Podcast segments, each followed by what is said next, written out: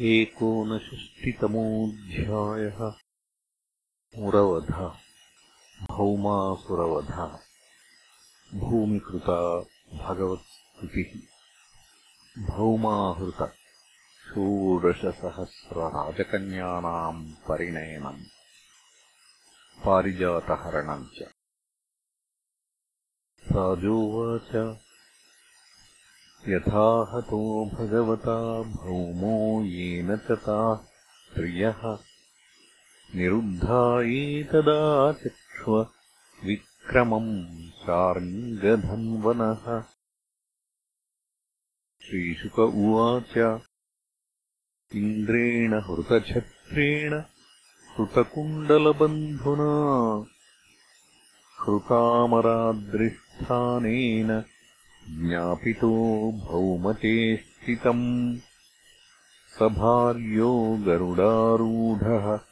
प्राग्ज्योतिषपुरम् ययौ। गिरिदुर्गैः शस्त्रदुर्गैः जलाज्ञनिलदुर्गमम्। मुरपाशायुतैर्घोरैः दृढैः सर्वत आवृतम् गदया निर्बिभेदाद्रीम् शस्त्रदुर्गाणि सायकैः चक्रेणाग्निम् जलम् वायुम् मुरपाशाम् तथाखिना शङ्खनादेन यन्त्राणि हृदयानि मनस्विनाम् प्राकारम् गदया गुर्व्या निर्बिभेदगदाधरः। पाञ्चजन्यध्वनिम् श्रुत्वा युगान्ताशनिभीषणम् मुरशयान उत्तस्थौ दैत्यः पञ्चशिराजलात्। त्रिशूलमुद्यम्य सुदुर्निरीक्षणो युगान्तसूर्यानलरोचिरुल्बणः ग्रसंस्त्रिलोकीमिव पञ्चभिर्मुखैः अभ्यद्रवत्तार्क्ष्यसुतम् यथोरगः आविध्यशूलम् तरसा गरुत्मते निरस्य वक्त्रैर्यनदत् सपञ्चभिः स रोदसी सर्वदिशोऽन्तरम् महान् आपूरयन्नण्डकटाहमावृणोत्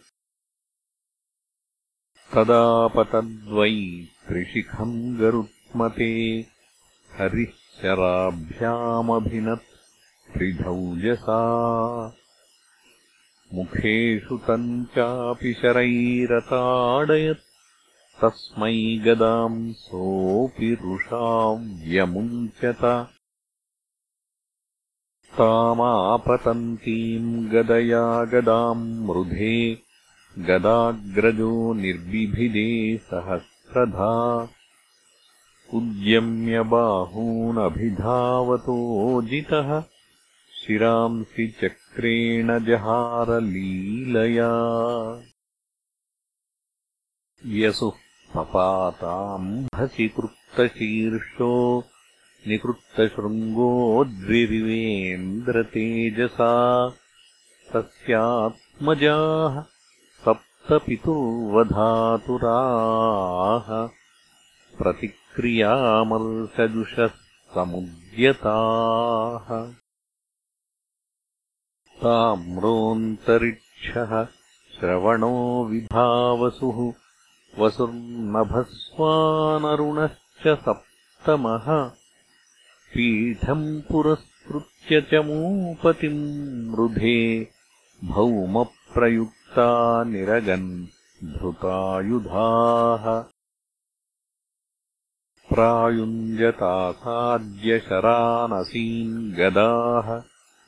शक्त्युष्टिशूलान्यजितेरुषोल्बणाः तच्छस्त्रकूटम् भगवान् स्वमार्गणैः अमोघवीर्यस्तिलशश्चकर्तः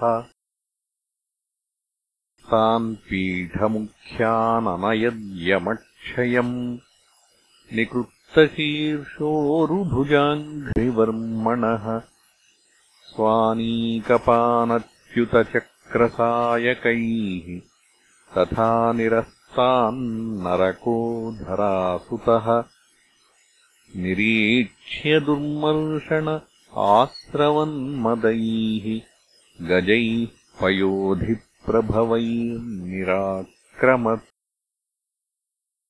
दृष्ट्वा सभार्यम् गरुडोपरि स्थितम् सूर्योपरिष्टात् सतडिघ्नम् यथा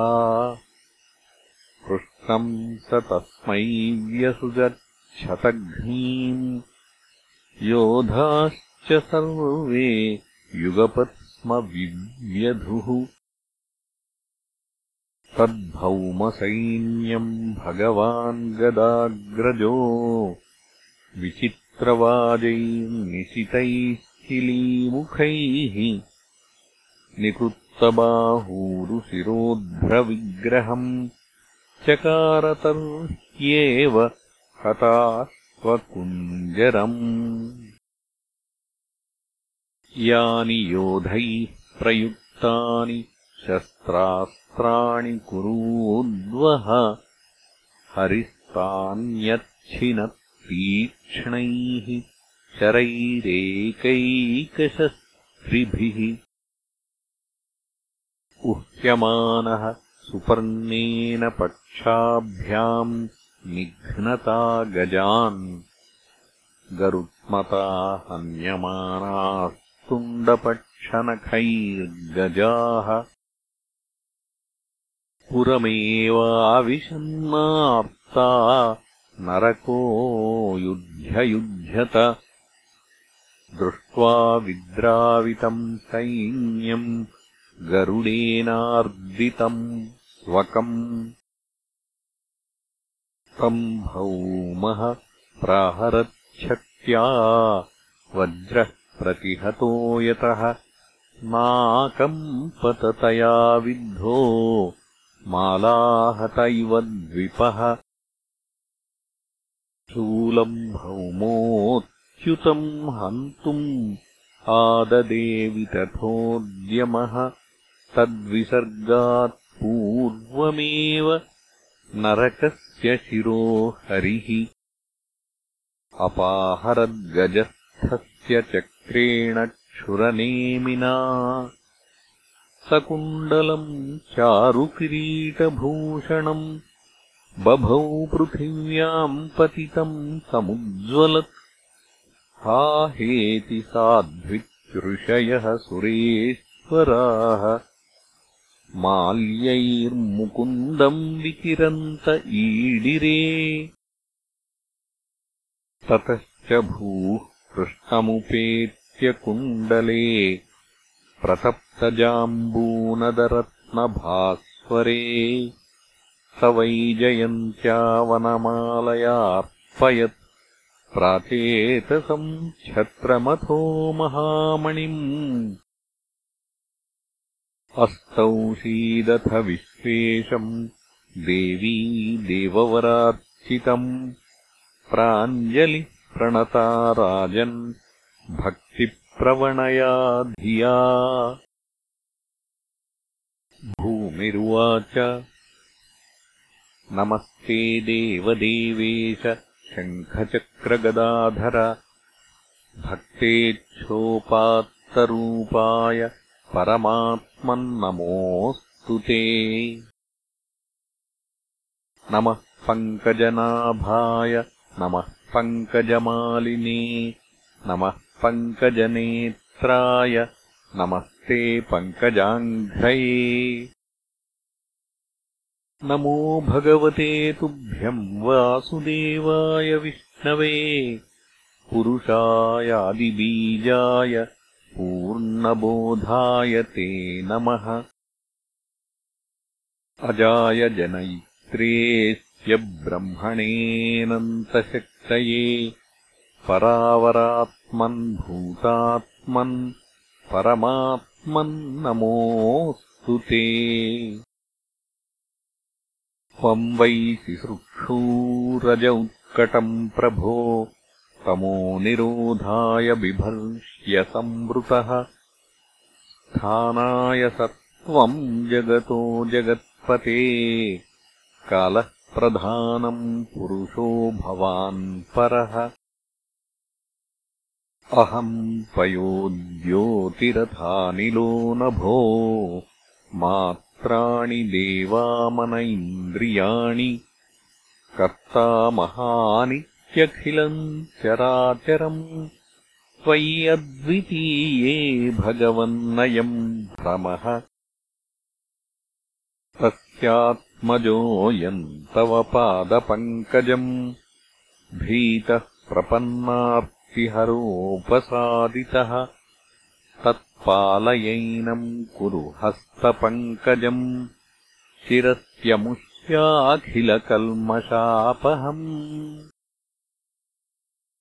श्रीशुक उवाच इति भूम्यात्थितो वाग्भिर्भगवान् भक्तिनम्रया दत्त्वाभयम् भौमगृहम् प्राविशत्सकलद्धिमत्।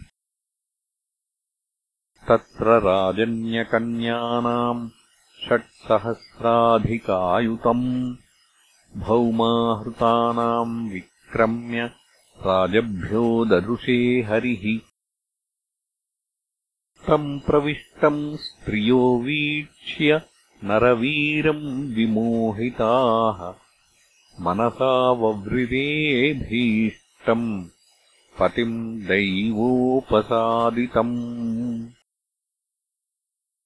भूयात्पतिरयम् मह्यम् धाता तदनुमोदताम् इति सर्वाः पृथक् कृष्णे भावेन हृदयम् दधुः। ता प्राहिणो सुमृष्टविरजोऽम्बराः नरयानैर्महाकोशान् रथाश्वान् द्रविणम् महत्। ऐरावतकुलेभांश्च चतुर्दन्तांस्तरस्विनः पाण्डुरांश्च चतुष्षष्टिम् प्रेषयामास केशवः। गत्वा सुरेन्द्रभवनम् दत्त्वादित्यै च कुण्डले पूजितस्त्रिदशेन्द्रेण सहेन्द्राण्या च सप्रियः चोदितो भार्ययोत्पाट्य पारिजातम् गरुत्मति। आरोप्यसेन्द्रान् विबुधान् निर्जित्योपानयत्पुरम्।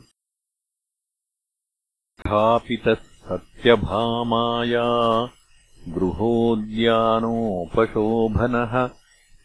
अन्यगुर्भ्रमराः स्वर्गात् तद्गन्धासवलम्पटाः। यया च आनम्यकिरीटकोटिभिः पादौ स्पृशन्नत्युतमर्थसाधनम् सिद्धार्थ एतेन विगृह्यते महान्। अहो सुराणाम् च तमोऽधिगाढ्यताम् अथो मुहूर्त एकस्मिन् नानागारेषु ताः स्त्रियः यथोपयेमे भगवान् तावद्रूपधरोऽव्ययः गृहेषु तासामनपाय्यतर्क्यकृत् निरस्तसाम्यातिशयेष्वस्थितः रेमे रमाभिर्निजकामसम्प्लुतो यथेतरो गार्हकमेधिकांश्चरन् इत्थम् रमापतिमवाप्यपतिम् स्त्रियस्ताः।